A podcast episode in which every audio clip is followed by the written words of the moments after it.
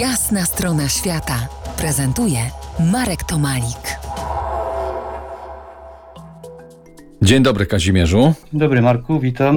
Moim gościem Kazimierz Szeliga, nauczyciel informatyki i przedmiotów zawodowych zarówno dla dzieci pełno jak i niepełnosprawnych. Od niemal 30 lat przewodnik w kopalni zabytkowej ród srebrnonośnych, tam na krótko, ale dłużej w sztolni Czarnego Pstrąga i tam się poznaliśmy i tam będziemy zapraszać.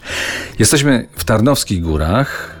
No to co, skąd ta nazwa? Bo to tutaj chyba nie góry, co najwyżej pagóry i to nie, i to nie w Tarnowie, a, a nawet daleko od małopolskiego Tarnowa. Skąd nazwa? Tak, Tarnowskie Góry często kojarzone są z górami i ludzie pytają właśnie, dokładnie tak powiedziałeś, gdzie te góry, ale ich tu nie ma, jesteśmy na Wyżynie, natomiast no, jest to nazwa związana z naszą historią, kiedy budowano tutaj pierwsze kopalnie, to wokół szybów, kiedy wyciągano to, co niepotrzebne, czyli tą skalę płoną, tak to nazwijmy, sypano hałdy, które kiedyś przypominały jakieś pagórki, gory. Kiedyś na kopalnie, dawno w staropolskim języku mówiono gora, a ponieważ najbliższa wioska w tej okolicy wtedy to były Tarnowice, no to ówcześnie mówiono tarnowskie kopalnie, czyli Tarnowskie Gory. Potem ta nazwa została spolszczona, Tarnowskie Góry zostały nam do dzisiaj, chociaż tych gór nadal tutaj nie ma.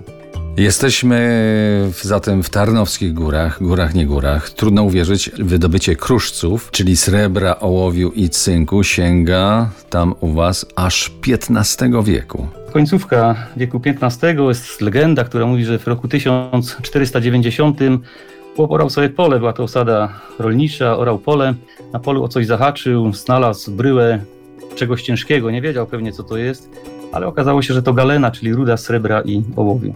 500 lat później, w 2017 roku, Tarnogórska kopalnia ród ołowiu srebra i cynku wraz z systemem gospodarowania wodami podziemnymi, czyli sztolniami, została wpisana na listę Światowego Dziedzictwa UNESCO. Jak do tego doszło? Bo to jest chyba skarb w dzisiejszych czasach chyba cenniejszy niż to wcześniejsze srebro, ołów i cynk. A może się mylę? Trudno to porównywać w ogóle, ale jest to na pewno cenny wpis. Jesteśmy jedynymi zabytkami na Śląsku wpisane na tą prestiżową listę, listę Światowego Dziedzictwa UNESCO. Zostało to dokonane w 2017 roku w lipcu, natomiast po wielu latach starań staraliśmy się jako stowarzyszenie, oczywiście Stowarzyszenie Miłośników Ziemi Tarnogórskiej, te powiedzmy dążenia do tego trwały dosyć, dosyć długo, ale po latach udało się, zostało docenione to dziedzictwo nasze kulturowe, nie ze względu na to, że tu były kopalnie, bo kopalń na świecie mamy wiele, ale właśnie ze względu na to, że są to kopalnie dosyć specyficzne i bardzo zastosowano tutaj unikalny, można powiedzieć, na skalę światową system odwadniania oraz gospodarowania wodami podziemnymi.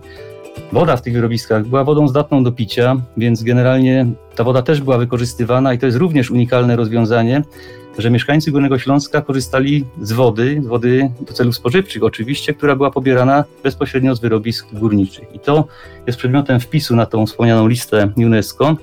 Natomiast to nie jest tak, że to jest tylko kopalnia i nasza sztolnia, tylko ten wpis obejmuje aż 28 tak zwanych atrybutów, czyli można powiedzieć tak ogólnie, że są to wszystkie nasze podziemia i to, co po nich pozostało po wydobyciu, co pozostało jeszcze na powierzchni. Za kilkanaście minut zejdziemy 30 metrów pod ziemię i poznamy zupełnie, zupełnie inny świat. Zostańcie z nami. To jest jasna strona świata w RMS Classic.